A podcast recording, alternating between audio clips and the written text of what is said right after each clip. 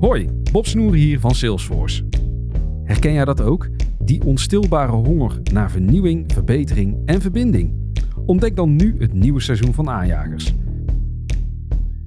Patrick Willer en ik spreken iedere aflevering inspirerende gasten over verschillende thema's zoals leiderschap, diversiteit en innovatie.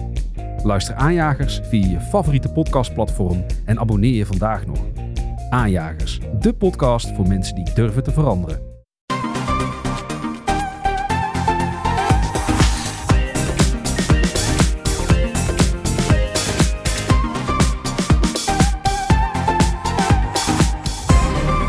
Welkom bij de Bright Podcast van woensdag 1 maart over de trending topics in tech van deze week. Deze aflevering wordt mede mogelijk gemaakt door Rode, onze keuze voor de betere podcast gear. Vandaag nemen we op vanaf locatie, Tony en ik met de Rode NT USW Plus, met ingebouwde preamp, zodat we beter klinken. En Erik gebruikt de Rode Wireless Go 2 draadloze microfoons, die je zo op je shirt clipt. Mijn naam is Floris en vandaag virtueel aangeschoven zijn dus Tony. Yo. En Erik. Hi, hi. Erik is net terug uit Barcelona. Daar is het Mobile World Congress bezig, de grootste telecombeurs ter wereld. Daar zijn de nieuwste mobiele innovaties te zien, zoals smartphones met uitschuifbare schermen, telefoons met vloeistofkoeling en nieuwe oplaadrecords. En nog veel meer andere gadgets. We gaan de hoogtepunten bespreken. Verder in het technieuws, groen licht voor sneller 5G in Nederland. De grootste brilplannen van Meta zijn uitgelekt en AI krijgt een vaste plek in Windows 11. We gaan beginnen. Het is vaste prik. Eind februari komen de grote telefoonfabrikanten en telecombedrijven samen in Barcelona voor het Mobile World Congress. Eigenlijk iedereen behalve Apple. Daar worden vaak de nieuwste smartphones aangekondigd. Maar dit jaar trokken ook meerdere concepttelefoons aandacht. Opvallende prototypes dus. Erik, jij was voor het eerst bij MWC. Welke concept smartphones waren er te zien? Nou, eentje waar ik gelukkig even mee uh, heb mogen spelen, dat was uh, Motorola. En die kwamen uit met de Rizzer. Ik weet niet of ik het goed uitspreek, maar het is een, een telefoon die over het algemeen een 5,5 inch scherm heeft. En wat hij doet, het is uh-huh. niet, is niet een foldable, het is een rollable. En eigenlijk komt de, het schermpje zit om de telefoon heen gevouwen. Een klein stukje, ziet een beetje als het, uh, het uiteinde van een paraplu. Het handvat. En dat schuift hij dan terug naar voren toe. Waardoor hij dus op een gegeven moment naar een, uh, van een 5 inch naar een 6,5 inch scherm toe gaat. Aan de bovenkant krijg je dus een heel dun dingetje. Een heel dun stukje scherm wat dan boven de telefoon uitsteekt. Um, ik vond het concept, concept eigenlijk wel, uh, wel heel erg gaaf. Het is wel echt een concepttelefoon. Want ik moet wel zeggen, als ik naar het schermpje keek, dan zat het nog niet echt helemaal mooi erop. Het was uh, bij lange na nog niet af. Maar ja, dat soort concepten zijn wel leuk om te zien. Dat we inderdaad aan de ene kant zijn we continu bezig, hoe kunnen we dat vouwen? Maar bij vouwen krijg je altijd een vouw te zien. Ja, is rollen dan niet een betere optie? Ja. Het scherm was een beetje bobbelig dus of zo. Ja, je, je zag inderdaad, dat gaven ze zelf ook aan. Dit, dit is echt een concept. En dit, dit gaan we in, in deze hoedanigheid zoals de telefoon nu is... absoluut niet uitbrengen. Maar je zag gewoon dat het gewoon ook nog niet echt af was. Dat zie je vaak bij dit soort concepttelefoons. Er wordt een idee wordt er gepitcht. Daar wordt op een gegeven moment heel hard aan gewerkt. En daar komt uiteindelijk dan wel een concept komt daaruit... wat ja, volledig nog niet marktwaardig is. Het leuke is wel, en dan vraag je misschien af, ja, wat, wat, wat, wat wil je daar dan mee en wat kan je daar dan mee? Nou, stel je voor, je kijkt bijvoorbeeld een, YouTube-filmpje en je draait de telefoon een kwartslag, dan schuift dat scherm dus vanzelf, schuift hij dus verder uit, waardoor je het YouTube-filmpje gewoon in de volledige normale uh, beeldverhoudingen kan bekijken. En dat is op zich wel hartstikke fijn. Maar ondertussen, ik was daarmee bezig. Ik was met de dingen een beetje aan het spelen. En het, het werkt allemaal echt wel hartstikke leuk. Maar ja, een bewegend component in een smartphone, dat gaat gewoon snel stuk. Dat is gewoon zo. Er is toch ja. een motortje die dat er moet gaan aandrijven. En dan denk ik, ja, dan krijg je weer slijtage. Dat gaat stuk. Dat, dat kan gewoon niet anders. Voor hetzelfde geld heb je hem in je broekzak zitten. Uh, uh, ga je zitten in de trein, terwijl die toevallig net een YouTube-filmpje opengeklikt heeft staan. En dan gaat het scherm gaat op een gegeven moment uit. Nou, dan breekt hij zichzelf volledig in stukken, denk ik. Omdat hij dan denkt, oh ja, ik moet de juiste beeldverhouding hebben. Hoe, hoe, hoe ga je dat ah, tegen? Ja. Weet je wel? Het, het, en het was zo'n dun stukje wat er dan vervolgens boven die telefoon uitsteekt ja, dat, dat zou kunnen breken. Dus het, het zijn echt, echt concepten. Maar, maar verder dan dat gaat het nog niet. Dit is echt niet een telefoon die we, die we op de markt gaan zien. Maar het idee Want, daarvan uh, is echt wel heel leuk. Want Erik, als je dus per ongeluk inderdaad een knopje aan de zijkant eh, indrukt, dan gaat dat uh, motortje draaien, toch? Ja, ja klopt. Ja, je kan dus hem... de bedoeling dat je dat met je vinger doet, maar ja. Nee, maar je kan het inderdaad, hè, wat ik zeg, op het moment dat je echt een YouTube-filmpje bijvoorbeeld aan, open hebt staan en je denkt, oh, mijn trein komt eraan, snel die telefoon in mijn broekzak, terwijl je hem misschien nog niet, zeg maar, in de horizontale modus hebt staan en je doet hem in je broekzak en je gaat zitten, ja, dan is die telefoon uiteindelijk in horizontale modus en dan zou die zomaar uit kunnen schuiven. Dan hoef je niet eens een knopje in te drukken. Dus zo'n zo'n telefoon gaat ook wel wat vraagstukken zeg maar, opvragen van... Hey, maar hoe gaan jullie dat dan uiteindelijk doen? Dus vandaar dat ze dan ook echt wel heel duidelijk aangeven... het is echt een concept, jullie gaan dit niet zien. Dit gaat niet op deze manier in de telefoon verwerkt worden. We gaan wel kijken of we componenten hiervan uiteindelijk kunnen verwerken. Maar het is een beetje hetzelfde wat we op de 6 natuurlijk ook zagen. Die BMW die uiteindelijk allemaal verschillende kleurtjes kan geven. Dat is hartstikke leuk, maar het zijn allemaal dingen die veel te kostbaar zijn op de eerste plaats... om te produceren en om, om überhaupt voor een consument interessant te laten zijn. Maar je hoopt dat we zoiets over een x aantal jaar daadwerkelijk kunnen krijgen. Of in ieder geval een variant daarvan. Um, dus, dus het zijn hele leuke concepten. Maar ik denk ook dat als je dit soort concepten ziet, dat je het ook echt niet serieus moet nemen als een daadwerkelijke telefoon die misschien wel volgend jaar uitkomt. Absoluut niet. En dat, en dat, zie, je, dat zie je veel meer. Hè. OnePlus kwam, kwam ook met een telefoon uit, ook een conceptphone uh, met een daadwerkelijke koeling in de telefoon. Dat was werkelijk koelvloeistof.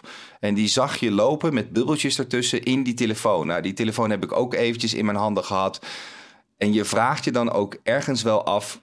Um, zijn we.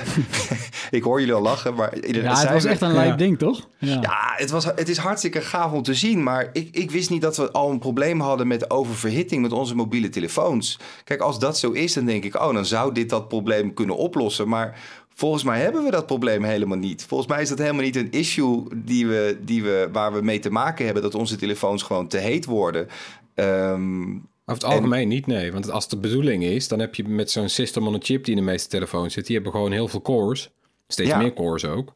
Ja. En dan heb je een aantal uh, cores die kunnen hard werken. En een aantal cores die zijn efficiënt. En het is inderdaad wel zo, dat is op zich bekend, als jij games speelt intensief op je telefoon, dan kan het na een tijdje inderdaad dat die dan terug gaat klokken. Ja. Omdat die te heet wordt.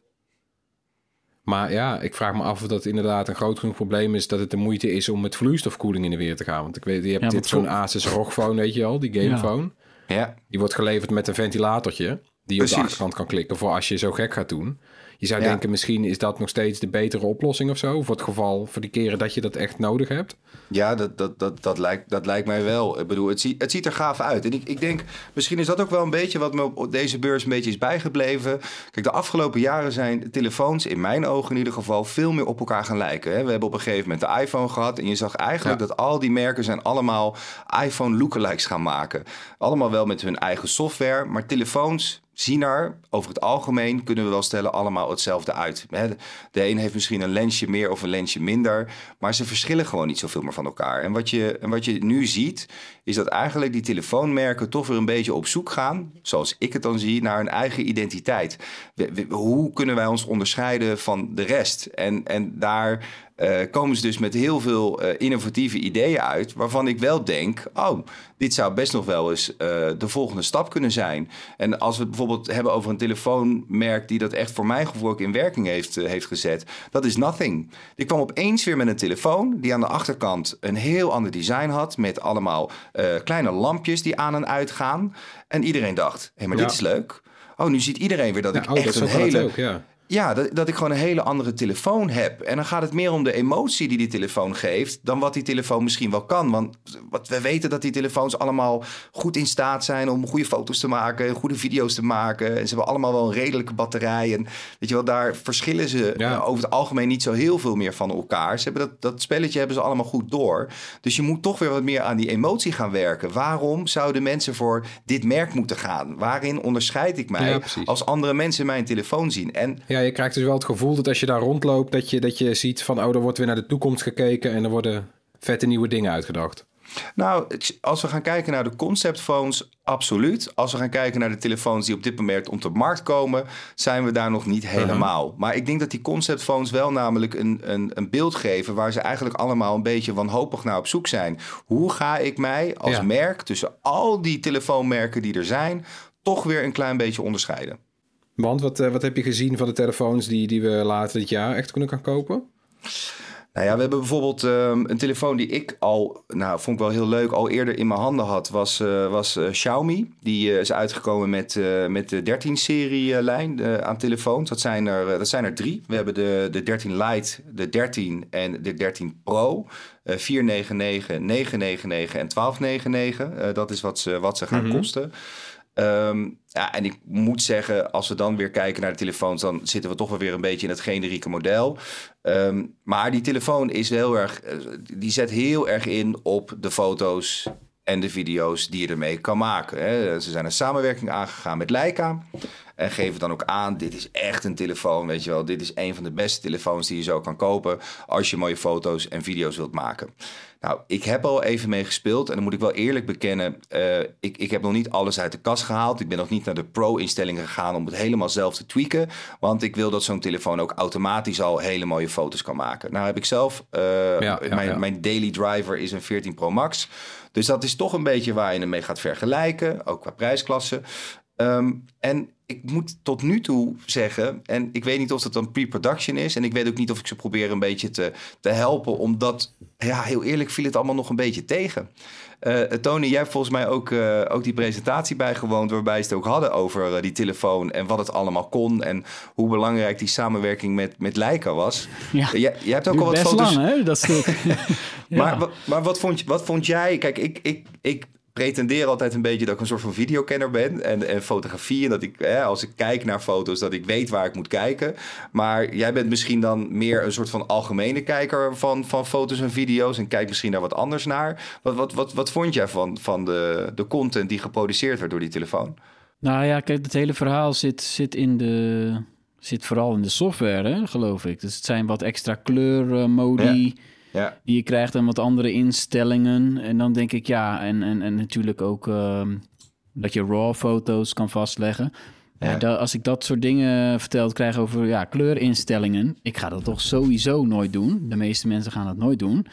Dus ik denk meteen, leuk voor Erik, maar voor, voor de gewone man eigenlijk niet. Nee. Maar zelfs bij jou proef ik dat je het ook nog niet helemaal ziet zitten. Nee, ja, dat klopt dus. Dat is, dat is dus het gekke. Ze gaan er zo'n samenwerking aan met Leica, wat echt wel een, een groot merk is. Die er ook echt op bekend staan dat ze, dat ze hele goede foto's kunnen maken, goede video's kunnen maken. Maar met een, soort van, dat is een soort Leica-sausje wat er overheen zit, waar mensen gewoon op aangaan. Leica is daar heel goed aan. Dat heeft te maken met hoe, ze, hoe die kleurverwerking van die telefoon is. Eh, elk, elk merk doet het een beetje op zijn eigen manier. Canon is daar echt een van de beste in. Die is het beste in hoe kunnen we zo realistisch en zo mooi mogelijk huidtinten weergeven. Want dat is vaak wel het belangrijkste. Dat willen we zo goed mogelijk voor elkaar hebben. En Leica kiest net een soort andere aanpak, waardoor je gewoon een foto krijgt dat je denkt, wauw, wat een gave foto. Nou, dan verwacht je als we zo'n samenwerking aangaan, inderdaad, hè, eh, eh, met zo'n Leica, dat daar, dat daar toch wel echt iets waanzinnigs uitkomt. En tot nu toe viel mij dat inderdaad een klein beetje tegen. Dat als ik ga kijken naar die kleuren van die telefoon...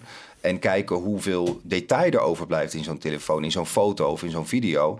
Ja, was ik nog niet echt... eh, Ik werd er nog niet echt warm of koud van. En dat vind ik dan heel terwijl er toch jammer. een eh 1 inch eh, sensor in zit. Ja, Ja. ja. ja.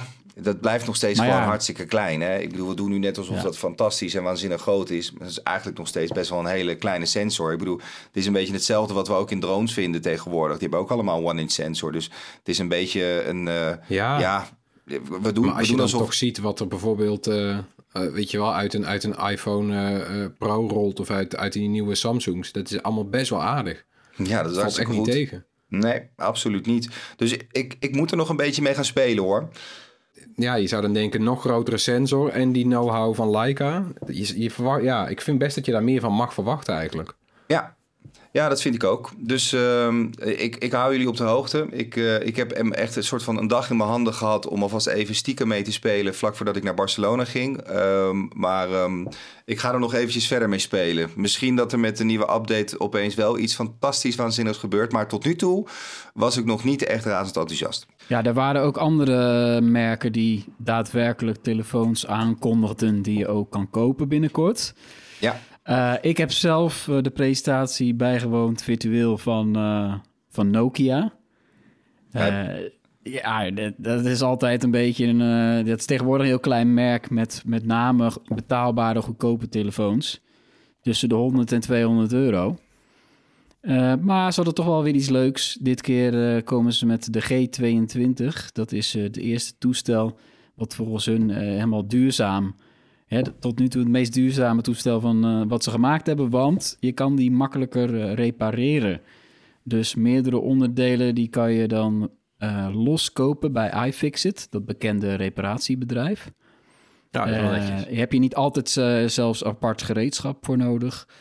En dan kan je zelf de accu, de USB-laadpoort, uh, die kan je dan vervangen en het scherm natuurlijk. dat is een stap. Ik wil niet zeggen dat het een denderend succes wordt, maar het komt al wel een beetje in de buurt van de Fairphone. Die Nederlandse telefoon. Die zullen hier misschien niet blij mee zijn.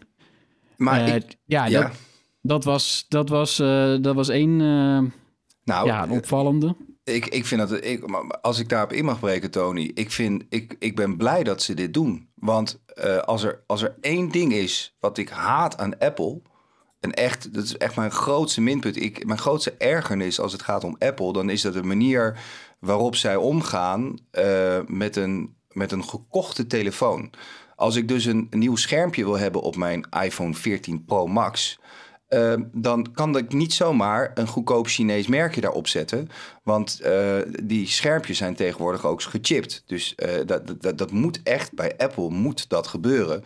En uh, dat is eigenlijk voor veel onderdelen is het zo. Ik zit gewoon vast aan Apple als ik iets van mijn telefoon wil laten repareren. Vind ik heel gek. Vind ik echt heel gek. Want uh, ik heb die telefoon toch gekocht? Kijk, als ik hem nou huur bij je, dan kan ik me voorstellen dat je zegt: ja, nee, eer je huurt hem bij ons. Dus als er iets misgaat, dan, dan moeten wij dat repareren. Want als die huur ja, op een gegeven moment opgezet wordt. Ze zijn het nu wel aan het open, openbreken weer, hè?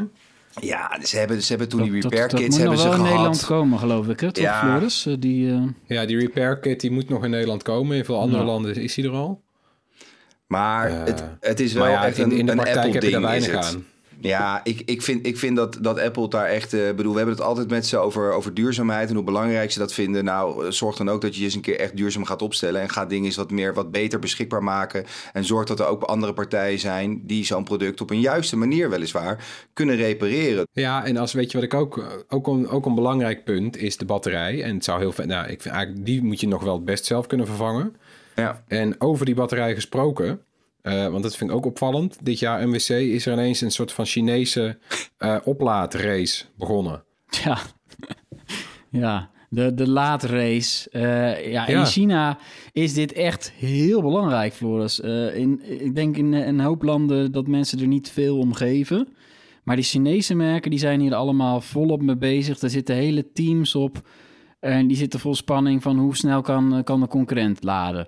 Nou, ja, eh, dat zag je dit keer ook. Eh, Realme, eh, dat is een merk van hetzelfde bedrijf als, als Oppo hè? en OnePlus. BKK, Ja. hè? Deed dat. Realme is een opkomend merk die lanceerde een, een smartphone. De GT3 heet die, buiten China. Ehm, en die kan met 240 watt laden. Ja. snelste van de smartphones die eh, nu ook echt te koop eh, zullen zijn. En dat betekent dat je in 9,5 minuut van 0 naar 100% vol laat. Dat, Dat is wel is natuurlijk een hele bizarre bizar. ervaring. Dat, Dat schiet is- gewoon omhoog. Ja, 9,5 minuten, hè? Ik bedoel, dan, dat, dat, dat, ik bedoel, je zet even een... Water koken duurt zometeen langer dan daadwerkelijk je telefoon opladen. Ja, Ja, ja, ja, ja, de, precies. En die, vergelijking eh, die- 240 watt, de, de, de, de, de tussen aanhalingstekens snellader van Apple eh, voor je iPhone, die is 20 watt. 20, ja. En, eh, Ja, bij en daar ben ik al heel blij mee. Want als je daar maar een kwartiertje je iPhone aanhangt, dan heb je ook, eh, nou, ik weet niet hoeveel procent, dan heb je 10, 15 procent erbij. Nou, dan kan ik weer de rest van de, de dag verder. Maar hier Maar ben je Bij dus Samsung is het 10 minuutjes. geloof ik 25 watt voor de gewone S23. En dan de, de Pro en de Ultra 45 watt. Dus die Ja. Samsung is daar ook helemaal niet mee bezig. Dus dat is wel grappig. Zo, de twee nee. grootste partijen, ja, die maakt het eigenlijk niet zoveel uit dat snel laden. Terwijl het andere Chinese grote merk, Xiaomi, die dacht, hé, hey, wacht eventjes. eh, Realme is op Mobile World Congress met de snelst ladende telefoon. Wij eh, zetten even een leuk eh, demonstratiefilmpje online van een nog sneller ladende telefoon. Dus Xiaomi die verrast iedereen vandaag met de 300 watt te, laadvermogen. Dat is echt krankzinnig. Ja, ga dat filmpje ook kijken. Dat is een, een smartphone die in iets minder dan vijf minuten helemaal vol. Vijf minuten, Erik. Ja, het is toch ongelooflijk. Maar Het kan niet veilig zijn, maar ze beweren van wel. Precies, dit is toch, ik denk dat je hier wel echt wel een belangrijk punt aanhaalt. Is hoe, hoe veilig is het als je je telefoon zo snel volpompt? Eh dat kan toch niet goed zijn voor je batterij? Je hoort hem bijna piepen, denk ik, toch? Ja. Dat is niet normaal. ja, ik, je hoort hem knetteren. Ja. Is Maar echt, waarom, waarom zou dat zijn? Weten jullie dat? Is dat een cultureel verschil? Hebben- eh, Gaan Chinezen anders om met het opladen van een telefoon? Nou ja, ik, ik, ik, het enige wat ik me kan voorstellen is dat, is dat die Chinezen misschien een, een, een bijna lege telefoon nog veel erger vinden dan wij dat al vinden. Ik heb dat, ik heb dat ook wel een. Ik weet niet hoe het bij jullie zit, maar als ik op een gegeven moment zie dat dat batterijtje van mij, hè, wat boven het hoekje zit van mijn iPhone, al een ander kleurtje begint te krijgen, dat hij een beetje naar dat oranje-rood toe gaat, dan ga ik altijd al wel een beetje stressen. Dat ik denk, ah, mijn telefoon is bijna leeg. Wat irritant, weet je wel. Ja, nee, ik wil ook, Erik, ik wil ook hoor. niet, niet zonder. eh, ik, ik, ik vind, vind het heel irritant als mijn telefoon leeg is en dat ik dan niet bereikbaar Dus ik, ik ken dat gevoel wel, maar daar staat dan dus tegenover dat ik vraag ik me af, ja, dan leg ik hem ergens aan de lader. Ik heb vaak wel iets van een powerbank of een kabeltje bij me. En, en dan kan ik soort van ook een beetje snel laden. Maar dit is natuurlijk echt, ja, dit is echt belachelijk. Waarschijnlijk hebben Chinezen die angst keer tien. Dat kan haast niet anders, want anders zou je dit echt niet aan het, hoeven ja. te bieden. Ja, ja, Nou ja, ja. Dat, dat, dat zei Realme ook in de presentatie. Deze telefoon, die GT3, dat is het ult- ultieme antwoord op batterijangst. Toen dacht ik, ja, wie heeft er nou batterijangst? Maar als ik jou zo hoor, wel. En ze hebben daar trouwens, ze spelen daar op een andere manier ook nog op in met die telefoon. Want op de achterkant, rond het cameralensje, daar zitten van die eh, RGB-ledjes rond de cameramodule. En die ledjes, die kunnen, die kunnen gloeien, oplichten, knipperen. En in allerlei verschillende situaties. En een van de dingen wat hij doet, is als de accu onder de 20% komt, dan gaat hij rood gloeien. Dus ze zijn er echt van overtuigd dat mensen die angst hebben, die batterijangst. Nou, ik denk sterker nog, als je hem niet hebt, krijg je hem vanzelf dus wel. Nee, maar dit is gewoon het aanzetten tot angst, is dit. Dat is wat er hier gebeurt. Dat je denkt, oh, die telefoon Ja. gaat gloeien. Het is een beetje hetzelfde als je in je auto rijdt. Er hoeft niks te gebeuren, maar als er ergens een lampje aangaat, ook al rijdt je auto prima, raken we allemaal in Ja. stress. Dus dit, dit is denk ik datzelfde principe wat ze hier toepassen. Het is gewoon het creëren van angst. Dat is wat ze doen. Nou, doen ze dan wel slim blijkbaar, want eh, althans, moeten we nog even afwachten hè, hoe die, goed die telefoon gaat verkopen. Maar, eh, maar waarschijnlijk zullen daar een hoop Chinezen dan wel gevoelig voor zijn. Ja, hij kost eh, 650 euro. eh, heeft dan niet de snelste chip. En natuurlijk moet hij het ook niet van zijn camera's eh, hebben. Nou ja, en dat is misschien ook wel de reden waarom er zo'n laat race is. Dat zijn natuurlijk voor merken en toestellen die, ja, die het op andere punten laten liggen. Ja, Ja, dan, ja, dus dan zet je daarop in. Het is weer een beetje terugkomen waar ik het eerder over had. Hè? Dat onderscheiden eh, van, van jouw merk ten opzichte van andere telefoons. En dan, dan door maar dus een absurde manier van snel laden, in dit geval. Waardoor je toch Ja. iets kan laten zien waardoor jouw merk anders is dan de andere merken. Dus misschien ook een beetje wat er hier gebeurt. Ja, precies. En nog even terug naar, want we hadden het al over de, de schuiftelefoons. Eh, dat is nog concept. Heb je wel nieuwe vouwtelefoons gezien daar? Ehm, ja, ja, Oppo eh, stond er onder andere. En eh, die zijn uitgekomen met de Find N2 en de Find N2 Flip. Ehm, en het leuke was, ik had eigenlijk al een beetje wat, wat gehoord her en der. Dus ik was wel nieuwsgierig naar. Want wat mij altijd opvalt aan vouwtelefoons is de vouw. De crease, die we, zo Ja. wordt het ook wel genoemd, in het midden, waar natuurlijk altijd heel veel om te doen is. Eh, in hoeverre kunnen we die wegpoetsen? Want dat is natuurlijk het groot, de grootste ramp en de grootste ergernis Ja, die wij hebben als wij zo'n telefoon zouden willen kopen. Ze zijn vaak niet goedkoop, die telefoons, want er is een hoop technologie aan boord om te zorgen dat het ding überhaupt kan opvouwen. En eh, bij deze telefoon eh, had iedereen aangegeven, is dat een stuk minder. Dus ik was ongelooflijk benieuwd om dat zelf eh, te zien. En ik heb hem in mijn handen gehad en ik moet ook daadwerkelijk zeggen, hij zit er nog wel. Hij is absoluut niet weg, maar hij is een stuk minder dan bij eh, de Samsung eh, Flip 4 en de Fold 4. Ik, ben ook echt een paar keer heen en weer gelopen om echt even te kijken, is het echt zo? Even Ja, die weer open doen, even kijken. Ja, oké, goed onthouden hoe die er nu uitziet. Teruggelopen weer naar, eh, naar die Find, de Find Flip, zeg maar. En toen dacht ik, ja, nee, hij is inderdaad minder. Eh, in mijn video die, eh, die hierover uitkomt, eh, ze hebben het er ook over. Laat ik het ook echt even zien. Dus komt het zeker ook voorbij. En ik moet eerlijk bekennen, ik vond vooral de, de Flip vond ik een, echt een, een heel leuk toestelletje. En dus een iets mindere vouw. Dus het gaat de goede kant op. Nog even en we zijn hem en hoe kwijt. voelt hij voor, voor aan je vinger? De, de vouw bedoel je? Ja, ja, die, ja. Ja, nou kijk, wat het is zeg maar, eh, bij, bij, bij Samsung merk je echt wel dat die gewoon wat, wat, wat dieper wegloopt. Je hebt een beetje een soort vouw, dan heb je een stukje wat een beetje omhoog loopt en daarna krijg je vaak weer een soort van vouwtje. Dat, dat zit eigenlijk in al die telefoons wel, dat heeft een beetje te maken met dat scharnier wat daarin zit en hoe die dat dan Ja. weer een beetje samen kan vouwen. Ehm, en, dat, en dat is bij deze, ja, hij, hij, hij, hij zit er nog wel. Ook als je hem in het licht houdt, zie je hem nog wel. Maar bijvoorbeeld, kijk je nu bijvoorbeeld naar bijvoorbeeld een YouTube-filmpje of, of ben je bezig met je mail, ja, dan valt hij dus daardoor wel veel minder op. Dus het, eh, hij, Ja, voelt, precies. hij voelt beter, maar eh, nogmaals, hij is niet weg. Laten we niet doen alsof het, Nee. het wonder daar is. hij is er nog steeds, maar het gaat de goede kant op. Ja, er, er waren nog wel ook andere vouwtelefoons waarvan een hele bijzondere van eh, Honor. Je zou het bijna het merk vergeten zijn, omdat ze in Nederland niet veel hebben gedaan de afgelopen jaren. Ja, Dat zustermerk van Huawei. Ja, ze bestaan zeker nog wel. Eh, ze komen met een vouwtelefoon die heet eh, Magic VS. Eh, ja, ook weer een hele rare naam natuurlijk al. Maar eh, dat is een vouwtelefoon met wel hele grote schermen. Namelijk een vouwbaar 6, of, eh, 7,9 inch scherm. Dat is groot, hè jongens? dat is een tablet 7,9, gewoon. Ja. Ja.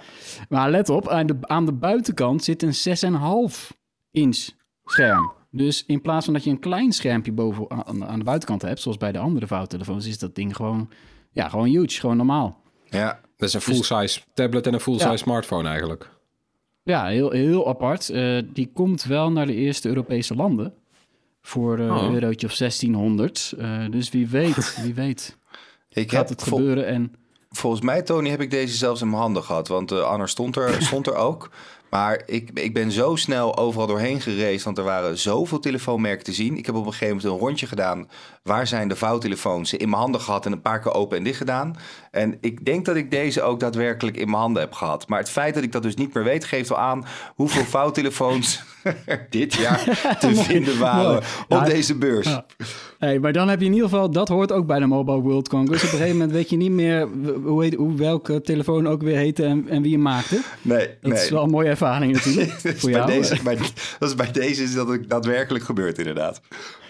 Ja, en je hebt ook bedrijven die gewoon niet klaar zijn. Dus die, die, die, die kunnen het dan toch niet laten om halverwege die beurs... eh, ja, dan ploffen er weer persberichtjes eh, in onze mailbox. Van, oh, nee, dat bedrijf heeft ook nog wat te melden. Wat Ja. ze niet op de beurs hebben kunnen tonen. En dat is dus, ja, dat deed Xiaomi met die snellaadtelefoon. Maar dat deed eh, OnePlus in feite ook. Want die kwamen gewoon op dag twee van de beurs nog met de aankondiging... ja, we komen ook nog met een vouwtelefoon. Maar dat zien we binnenkort wel. Mooi, hè? Ja, Ja, tuurlijk. Dus Ja, waren dan waar, toch ja. jaloers. Je ziet ze rondlopen op zo'n beurs. Shit, iedereen heeft vouwtelefoons. Al onze concurrenten. We moeten ook hier, we moeten het gewoon aankondigen dat we ermee komen. Dus dat was, dat was Ja, ook dat het hoor je altijd, hè? dat het op die beurzen zo gaat en die rivaliteit. Zo'n bekend voorbeeld volgens mij van die... Weet je nog dat er een tijdje lang... eh, we hadden we ineens van die, tele, van die tv's met, eh, met een gebogen scherm. En dat schijnt Ja. ook alleen maar een soort van ding te zijn geweest tussen Samsung en LG. En toen kwam een van die twee merken, eh, eh, onthulde zo'n tv. En toen had de ander, voor het geval dat, had er ook eentje bij. Die dachten al van, ja, zal je net zien. En die hadden gewoon ook een, een, een gebogen tv. En die zei, ja, we hebben er ook een. En die rezen snel naar binnen en toen hadden ze er ook een. Ja, dan ging het gordijntje open en dan stond hij. Ja. ja, mooi. Nee, maar jij- jij noemt Samsung. Nou, denk ik onderhand wel, Erik, waar, waar was Samsung? Nou, Waren ze er wel? Ja, zeker weten. Ze waren er wel. Ze hadden ook echt wel een behoorlijke beurs hadden ze staan. Ze hadden een behoorlijke stand hadden ze. Echt wel eh, redelijk, eh, redelijk groots opgezet. Maar eh, ja, Samsung is natuurlijk al, al wat eerder uitgekomen met, met de nieuwe S23 eh, Ultra. Eh, de hele S23-lijn überhaupt. En die, die lag er ook. Ik heb ook ergens in een hoekje, zag ik op een gegeven moment ook nog wat... een paar Fold 4's en een paar Flip 4's eh, liggen. Ik moest ook echt vragen, waar liggen die? Ja, die moet je daarheen lopen. Oh, nou, daar vond ik die uiteindelijk. Maar ja, ja ni- niet heel veel reuring eh, gegeven aan, aan, aan hetgeen wat zij te bieden hebben. Het was natuurlijk allemaal ook al uit. Dus, dus Samsung had, niet, geen, had geen nieuwe dingen aan te kondigen op die beurs. Ze waren er wel, dus ze hebben wel hun, hun geld besteed om daar aanwezig te zijn met een ongelofelijke stand. Maar, eh, maar niet met, eh, met innovaties en nieuwigheden. Ja, en dan van, eh, van smartphones naar, naar iets wat wel mobiel is, maar ook heel erg nieuw. Slimme brillen, hebben we die gezien? Ja, hebben we die gezien? Nou, uh, zeker weten. Uh, die, uh, die kwamen echt wel her en der kwamen die, kwamen die voorbij. Ehm, sowieso, ik, ik, ik was op de beurs en ik stond in nauw contact met Tony, die af en toe wat, wat dingetjes naar me doorstuurde. Die zei: Xiaomi heeft een nieuwe bril, Xiaomi heeft een nieuwe bril, daar moet je nu naartoe. dus dat is dan wel heel leuk. Ja. Dus Tony, bedankt dat je, dat je me, me een beetje op de achter de schermen me een beetje kon begeleiden her en der. Maar, um, maar die had inderdaad een nieuwe bril. Alleen uh, het, het, het geval was, daar zou ik ook een hands-on mee krijgen. Was ik echt heel benieuwd naar. Want dat is een bril die je inderdaad kan bedienen via handgebaren. Waar meestal je toch nog op pootjes moet drukken. En, en nou ja, eigenlijk die bril vaak nog echt wel met knopjes moet aanraken. Um, het, het nare was alleen dat de persoon die uh, die, die hands-on zou doen, uh, die had een allergische reactie gekregen. Dus die kon er niet bij zijn. Dus die hele hands-on ging vervolgens niet door. Ja, dat is natuurlijk heel spijtig. Ik vind het maar... verdacht. Ik vind het verdacht. ik weet het niet. Kijk, jij, jij denkt die dat er meer aan de hand die is. Ja, maar die aankondiging zat vol met uh, ja, dingen waarvan je dacht... dit wil ik wel zien. Dit moet ik eerst zien en dan geloven. Hè? Ja. Twee van die micro-OLED-schermpjes in de, in de bril... Uh, waarvan ze niet zeiden hoeveel pixels, maar dan wel zeggen van... ja, maar je kan, je kan niet de afzonderlijke pixels waarnemen. Zo goed zijn ze. En ze zijn heel helder. En ze gaan automatisch dimmen op het moment dat je op iets in de virtuele wereld moet concentreren. Nou, dat denk ik leuk om te proberen. En, en die handgebaren ook, weet je wel. Uh, als dat goed werkt en je kan met wat vegen in de lucht en wat tikken. En uh, ze hebben volgens mij ook een, een, beweging laten zien... waarbij je met je duim over je wijsvinger schuift... om een app te starten of uh, te verlaten. Nou ja, zoiets uh, was ik wel benieuwd naar. Of het Ja. goed zou werken, maar... Ja. Het ziet eruit Nou. als een soort oversized eh, zonnebril. Dus ik vond, vond hem ook zeker niet eh, moeders mooiste. Nee, nee. Nee, nee, ja, ik heb, maar helaas, ik, ik geloof wel dat, dat ik hem normaal gezien waarschijnlijk wel in mijn handen had gehad. Zeker omdat hij zo nieuw was, snap ik ook wel dat er misschien niet heel veel personen zijn die daar eh, over kunnen gaan. En dat is natuurlijk wel een beetje de, ja, het bizarre van zo'n beurs is, wat we ook al aangeven, is dat alles wordt op het laatste moment nog in elkaar geschroefd, nog vastgelijmd, nog een beetje met duct tape worden nog wat dingetjes verhuld en we gaan door. Ehm, maar ehm, ik, ik geloof wel dat hij daar aanwezig was en dat ik hem helaas niet heb, eh, heb kunnen testen. Dus laten we hopen dat we dat op, eh, op korte termijn wel kunnen doen. Maar ja, goed, dat was inderdaad een van de brillen die er was. Daarnaast had eh, Lenovo had ook een bril. Dat was wat meer voor de, voor de, voor de zakelijke markt. Wel met 1080p schermen. Je had er een soort van een klein joystickje bij via Bluetooth. En daarmee kon je, kon je inzoomen op bepaalde ja, hoe moet je dat, zien? Uh, neem een architect hè, die bijvoorbeeld een bepaald gebouw heeft gemaakt en die wil dat dan eventjes in de AR kunnen bekijken of misschien aan een klant laten zien en dat je eromheen kan bewegen via dat joystickje. Nou, dat, dat was daar dan. Um, je had ook een bril van, moet ik even goed nadenken, dat was Oppo. En die had de Airglass 2. Ik hoop dat ik dat goed zeg. Um, en dat, dat was een bril die had dan aan één kant uh, had inderdaad een klein schermpje. En uh, daar was een soort van groenachtige letters. Kon je dan door een soort minuutje heen gaan. En kon je daar bijvoorbeeld kiezen voor ja. navigatie. Of je kon voor kiezen voor, uh, voor een soort telepromptertje. Voor als je zou moeten presenteren. Dat je daar de tekst als een soort spiekbriefje voorbij kan laten lopen. Of een soort vertaalfunctie zat erop. Als iemand dan iets tegen je zou zeggen. Dan zou die dat per direct kunnen vertalen. En in je bril de vertaling kunnen laten zien.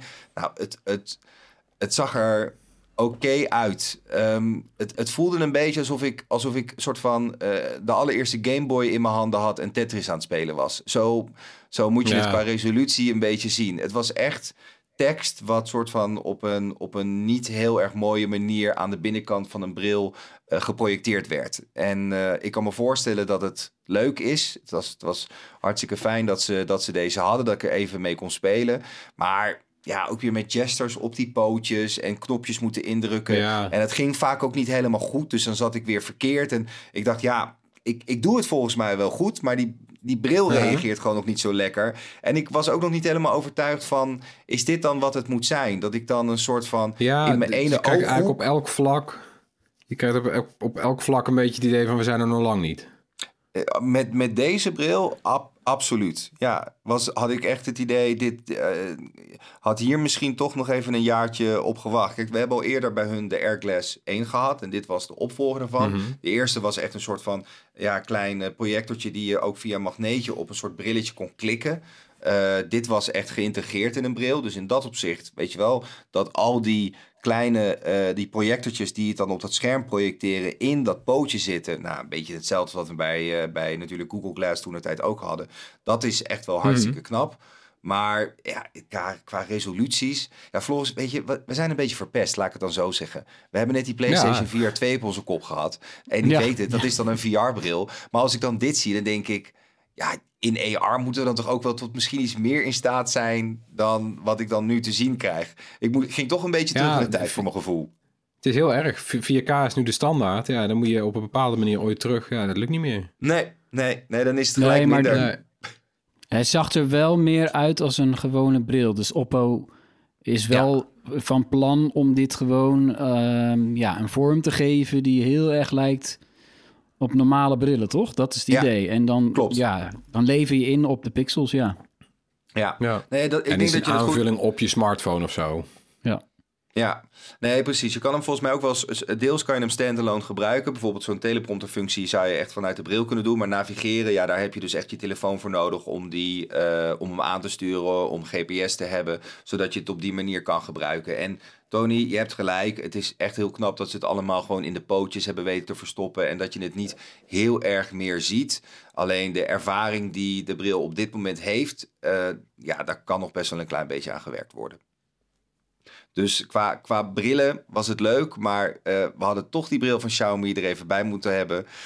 Dan hadden we waarschijnlijk wat beter kunnen aangeven of die verschillen nou echt heel groot waren geweest, ja of nee. Ja, precies. En andere gadgets nog gezien? Ja, eh, Segway stond er ook. En eh, die stonden daar niet met smartphones. Die namen dat hele mobiele, namen ze namelijk iets anders. Die hadden gewoon een heel raceparcours uitgezet. Zodat mensen daar lekker eh, mobiel konden racen. Eh, waaronder een aantal stepjes die ze daar presenteerden. Ze hebben een aantal nieuwe stepjes daar staan. Zoals bijvoorbeeld de G2. Dat is een stepje die voorvering heeft, achtervering heeft. Iets hoger op zijn op zijn wielen staat. Een, een breder stuur heeft. Hè. Geven ze aan dat het ook allemaal is voor, voor meer veiligheid tijdens het rijden.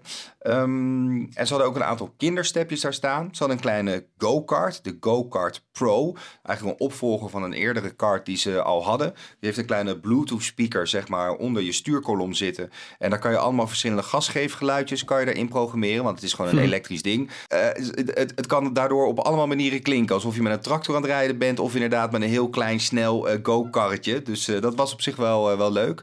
En we mochten ook twee stepjes daarvan ze lenen. Ze gaven aan van, weet je wat, neem die dingen even mee, ga er lekker op oefenen. Wij dachten, dat is mooi. Dan gaan we lekker die beurs gaan we rondscheuren. En gaan we overal gaan we onze opnames maken. Scheelt ons een hoop tijd, want we moesten in één dag heel die video opnemen.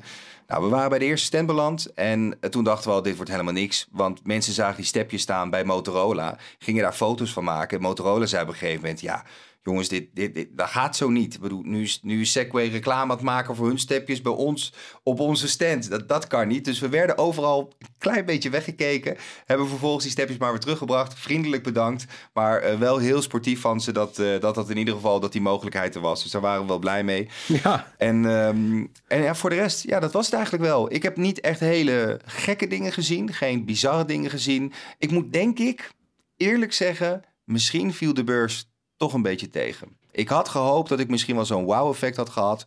Dat er toch iets zou zijn waarvan ik echt zou zeggen... Ja, jongens, dit is het. Eigenlijk dat Apple-momentje, de allereerste iPhone, zo'n momentje. Ik verlang daar gewoon weer naar. Ja. En dat is tot nu toe helaas op deze beurs toch, zie je, je hoort het aan mijn stem, ik word er emotioneel van, toch weer een klein beetje uitgebleven. dus eh, we wachten maar weer op eh, de MWC voor 2024, denk ik. Ja. En tot slot dan wel de vraag. eh, waar was de Coca-Cola-phone van Realme eigenlijk? Oh, dat is een zoektocht geweest. Maar dat is namelijk echt iets Ja. geweest. Voordat ik daar al heen ging, zijn we al bezig geweest. Ligt die daar? Hoe kunnen we ze benaderen? Kan die telefoon daar gevonden worden? Want Coca-Cola is toch ook zo'n merk. Sommige mensen hebben dat gespaard. Ik weet dat van Erwin. Die had eh, volgens mij kussens daarvan en die had posters daarvan. En er is echt zo'n generatie geweest die echt alles spaarde van Coca-Cola. Ik deed dat iets minder, moet ik eerlijk zeggen. Maar het feit dat er dan zo'n Coca-Cola-telefoon in samenwerking met Realme wordt gemaakt... Ja, dat willen mensen zien. Dat wilde ik ook zien. En uiteindelijk, vlak voordat ik vertrok naar Ja. Barcelona... kregen we de melding dat die telefoon daar helaas niet zou zijn. Dus dat is jammer. Oh. Ja, ja. Jammer, nou daar komen we vast nog ooit op terug. Jij hebt in ieder geval een colaatje verdiend, eh, denk ik ondertussen. Ja, proost, dankjewel. Ik, eh, ik ga lekker naar mijn zoontje ja, toe. proost. eh. En, eh en dankjewel dat. ik even mocht deelnemen. ja, dank Erik. Tot de volgende keer. Jojo, hi hi.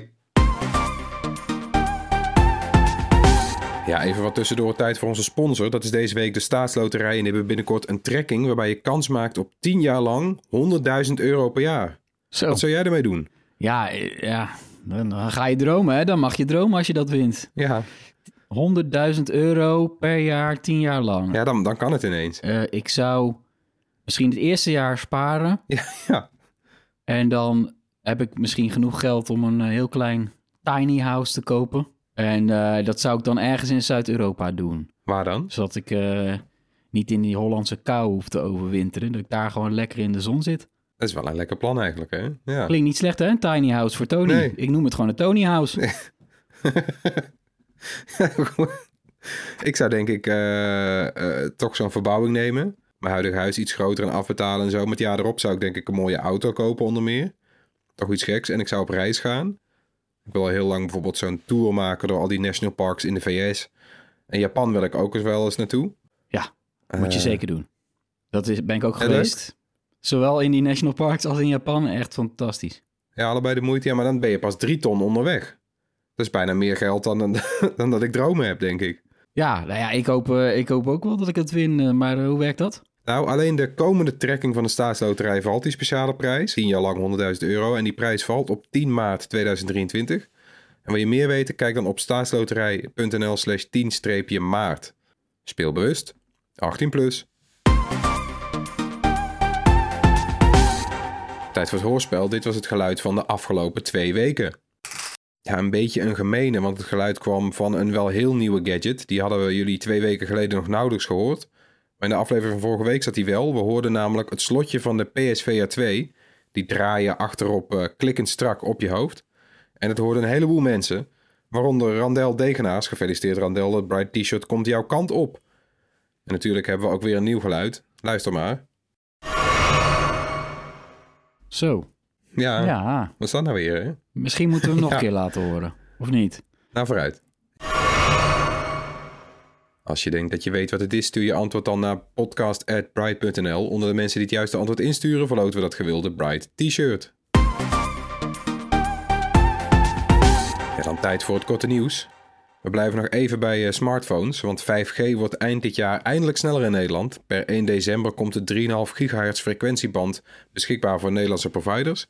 Die frequenties worden in het najaar geveild door het ministerie van Economische Zaken. Het huidige 5G in ons land is nog niet zo snel als het zou kunnen. Dat komt omdat een deel van de frequenties nog wordt gebruikt door een groot satellietpark in Friesland. Dus onder meer van noodcommunicatie met de zeescheepvaart. En dat satellietpark verhuist eh, eind dit jaar naar Griekenland. Zodat die frequenties die dan vrijkomen. En het is wel logisch dat KPN, T-Mobile en Vodafone die dan weer gaan kopen op die veiling. Die levert dan meestal miljoenen op. Vorige keer ruim een miljard. Ja, en wanneer, wanneer, wanneer denken we dat je gaat merken dat, je, dat die telefoon sneller gaat? Heb jij enig idee, Tony?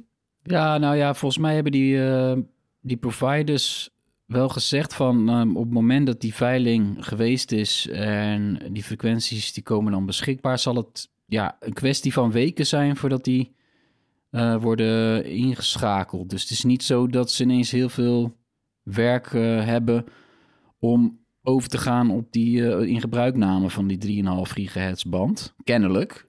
Dus Ja. dan kan het ineens Ja, die best apparatuur wel hangt er snel al of gaan. zo. Ja, kennelijk is het een soort van upgrade.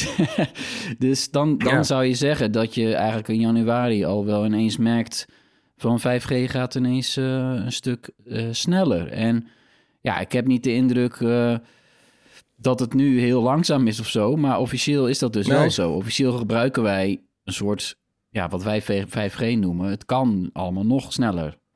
En ja, dat is fijn, vooral als je onderweg bent, voor die mensen die mobiel internet gebruiken.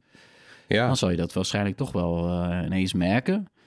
Terwijl, ik ben wel benieuwd. ja, eigenlijk, we hebben al hele goede mobiele netwerken, bleek ook deze week. Hè? Dus het wordt dan nog sneller, maar we zijn al een van de snelste ter wereld, bleek uit een eh, onderzoek. En dat was echt Ja. een gedegen onderzoek, waarbij ze ook eh, met auto's hebben rondgereden en hebben rondgelopen. Ja, precies. En eh, gegevens van miljoenen telefoons in Nederland hebben gebruikt om dat te meten. En ja, elk van die drie providers scoort eigenlijk heel goed. KPN net iets beter dan de rest, maar het scheelt helemaal niet zoveel. En ja, en dan is het volgens mij, dan kijken ze dus ook... Dan kijken ze, want die 3,5 gigahertz... die kan dan onder de beste omstandigheden... krijg je dan heel snel internet. Maar het bereik van die dingen is volgens mij wel weer kleiner. En zo'n onderzoek, wat jij noemt... dat kijkt dan naar van of je overal... want we weten dat in Nederland de dekking supergoed is. Als je in het buitenland komt, dan heb je ook 5G. Maar dan, nou ja, één stap buiten de stad en het is weg. Wij hebben in Ja. Nederland echt overal 5G en best wel goed ook. Dus wat dat betreft kan het inderdaad toch eigenlijk alleen nog maar beter worden. Dat is wel fijn. Ja, zeker. Dus eh, ja, hopelijk gaat het niet al te lang duren. Er wordt al heel lang gewacht op die veiling. Hè? Dat is echt een gebed zonder end geworden. Eh, is Ja. dan nu Ja, eindelijk... die gingen ze steeds uitstellen. Ja, de exacte moment is nu nog steeds niet bekend, maar wel gewoon de belofte dat het allemaal nog dit jaar gaat gebeuren. Dan de grootste plannen van Meta op het gebied van slimme brillen, die zijn uitgelekt. Meta is van plan om in 2025 een AR-bril op de markt te brengen die wordt bediend met een horloge. En dat zou gebeuren met een zogenoemde neural interface. Oftewel door de zenuwen in de pols uit te lezen met een soort bandje of een smartwatch. eh, kunnen die signalen doorgegeven worden aan de bril en die weet dan wat je wil.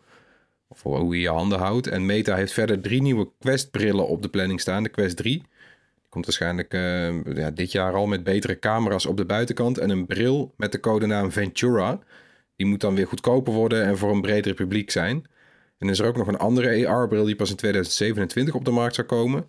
En die nu al acht jaar in ontwikkeling is. Die bril zou realistisch ogende avatars in de echte wereld kunnen projecteren. Zo, dat zijn nogal wat brillen, hè? Ja, Waar ze ook al heel lang kennelijk dan aan werken. Dus natuurlijk, het, het, het wachten is op een eh, AR-bril die echt gewoon voor de massa interessant genoeg Ja. is. En ja, misschien zit het, wel in, eh, zit het ook wel in die bediening. Eh, wat als Ja. het inderdaad goed werkt met dat eh, polsbandje.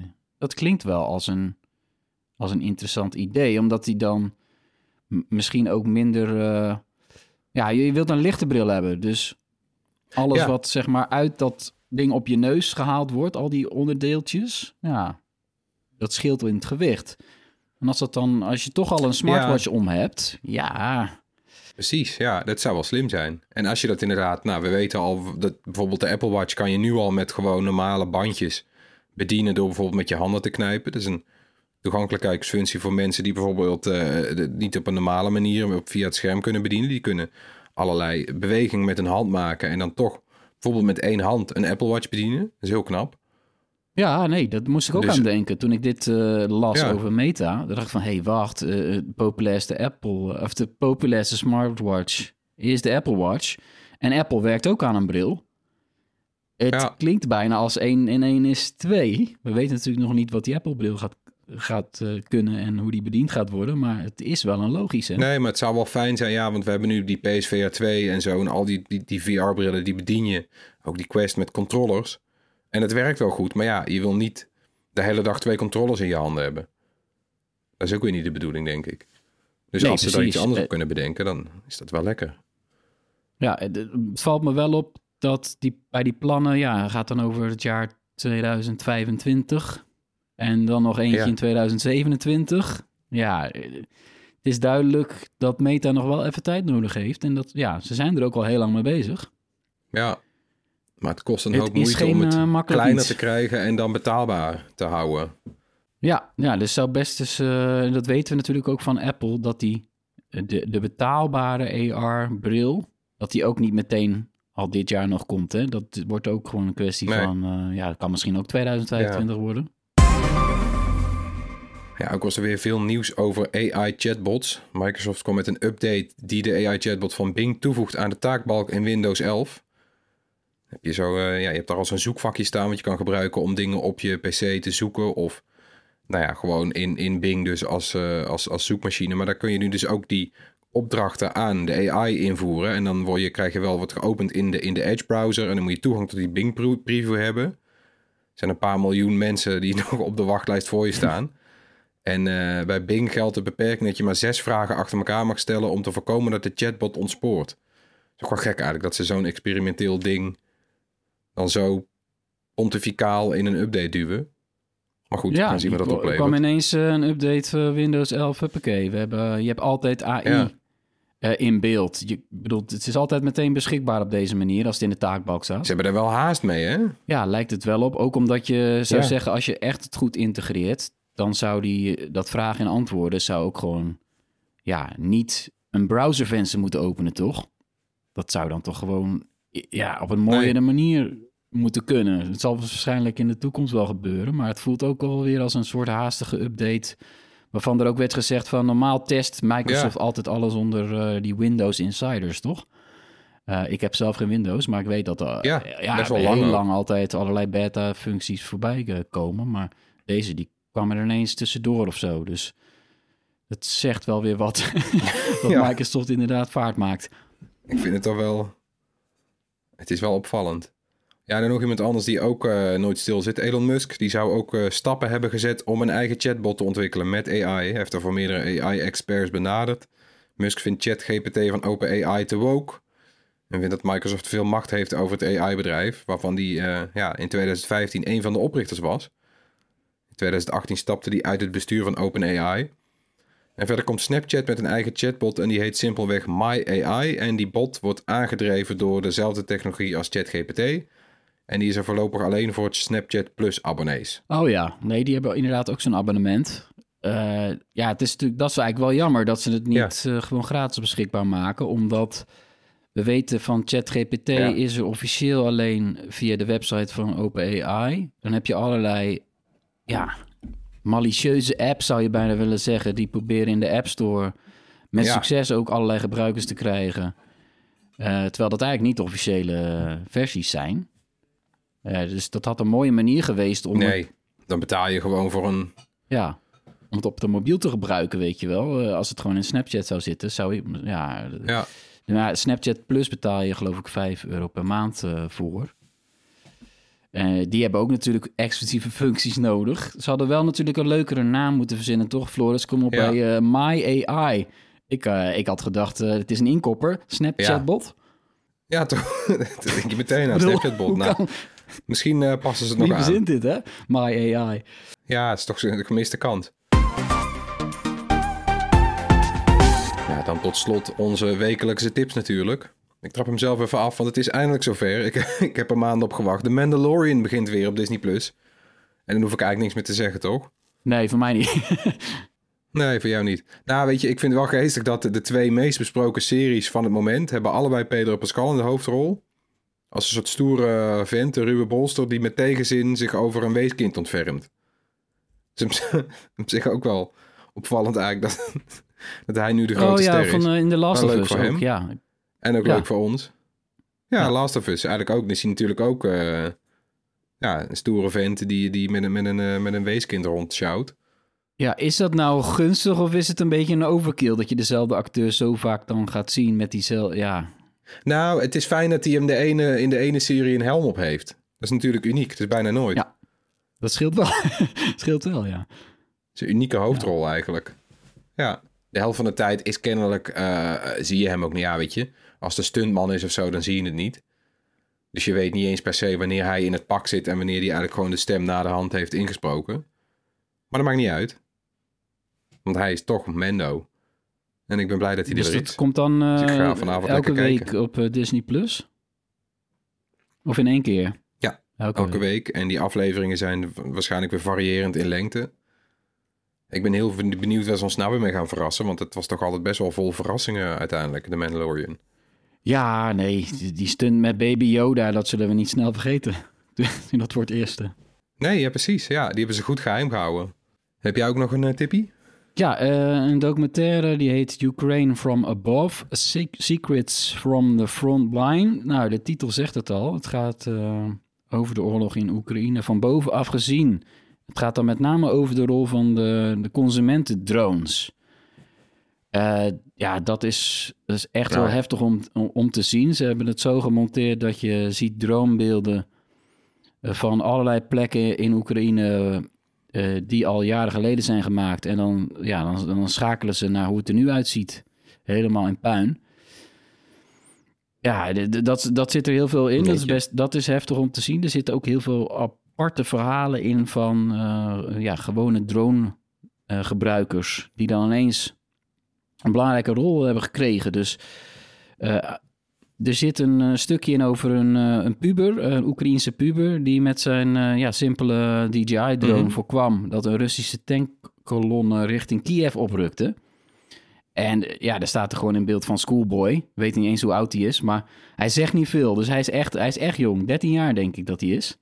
Nou jeetje, echt gewoon onder de indruk van wat hij zelf... ja, eh, nou ja, hij vloog op het juiste moment terwijl die tanks dan een soort van eh, verstopt zaten en dan vervolgens een soort kolonne vormen. Dus die stonden gewoon verstopt op allerlei industrieterreinen en die gingen daarna pas samen optrekken. Dus Ja. het is wel degelijk een belangrijk moment. oh, ja. En dan eh, stuurt hij een seintje naar lokale legercommandanten. en vervolgens eh, zie je ook de beelden, want er zijn, zitten heel veel heftige beelden. Je ziet ook de beelden dat dankzij zijn exacte locatiegegevens die hij doorgaf, die jongen, die, die tanks ook echt gebombardeerd eh, worden door Mhm. de artillerie.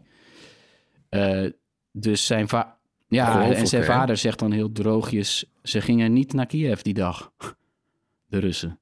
Ja, en dat soort dingen zitten, ja, dus het is heel apart. Nee. En eh, je ziet ook dat er nu ook volop drones worden gebruikt. Die worden door hobbyisten en, en knutselaars aangepast, zodat ze explosieven kunnen droppen. Dus zit, in die documentaire zit ook een stukje Ja. over twee broers die zijn met soldeerbouten en 3D-printers aan de slag. Maar die hebben wel degelijk een zeer effectief mechanisme gemaakt, wat super goedkoop is, om aan drones te hangen en die dan explosieven en granaten kunnen droppen. En dat, je ziet ook hoe dat gebeurt. Ja. Ja, want dan doen ze toch, dan maken ze er gewoon een vinnetje aan en dan, kan dan, dan, dan valt hij altijd kaarsrecht valt naar kaas beneden naar of zo, beneden in toch? een gat op zo'n tank. Ja, die Russen zijn echt, eh, echt niet veilig daar. Het is echt een dodelijk effectieve oplossing, is het gebleken. Eh, en dat zijn gewoon met simpele drones. Die, eh, die docu die staat sinds vorige week online bij het Britse Channel 4. Ik heb hem gekeken via een VPN-dienst, Floris. Ik heb gewoon even... Volgens mij was het Tunnel Bear. Je hebt van die gratis VPN-diensten die wel op zich wel goed zijn... waar je eventjes Ja. 1 of 2 gigabyte gratis Ja, voor, kan voor, gebruiken. voor één dingetje, ja, voor één dingetje. Dat, dat, dat, één, Ja. ja, dat is echt mooi. wel leuk. Je kan hem ook wel ergens anders vinden. En eh deed me ook denken aan die Ja, podcast-uitzending die, precies. toen- die we hadden met eh, Eyes on Ukraine. Die hadden we toen te gast eh, in onze podcast. Precies een jaar geleden. Die toen begonnen met het inzamelen van geld om drones naar. Oekraïne te brengen. En die jongens zijn nog steeds bezig. Eyes on Ukraine. Die hebben in totaal 635 drones zelf naar de Oekraïne gebracht. Jeetje. Ja, maar dat doen ze. Die, ja, die, die kopen ze hier toch eigenlijk? Met als je, als je doneert, dan kopen zij drones. Die maken ze geschikt of zo. Ja. En dan brengen ze ze in een busje daar Ja, ze, naartoe. hebben, ze zijn wel eh, nog regelmatig eh, rijden ze die kant op. En eh, ze hebben ook andere dingen zoals generatoren en zo gebracht in de winter. Dus Netjes. Nou, beide links zetten we in de show note. Bedankt voor het luisteren. Laat gerust iets van je horen. Mail naar podcast.bright.nl of drop een DM op een van onze sociale kanalen. Vinden we leuk. Tot volgende week. joe.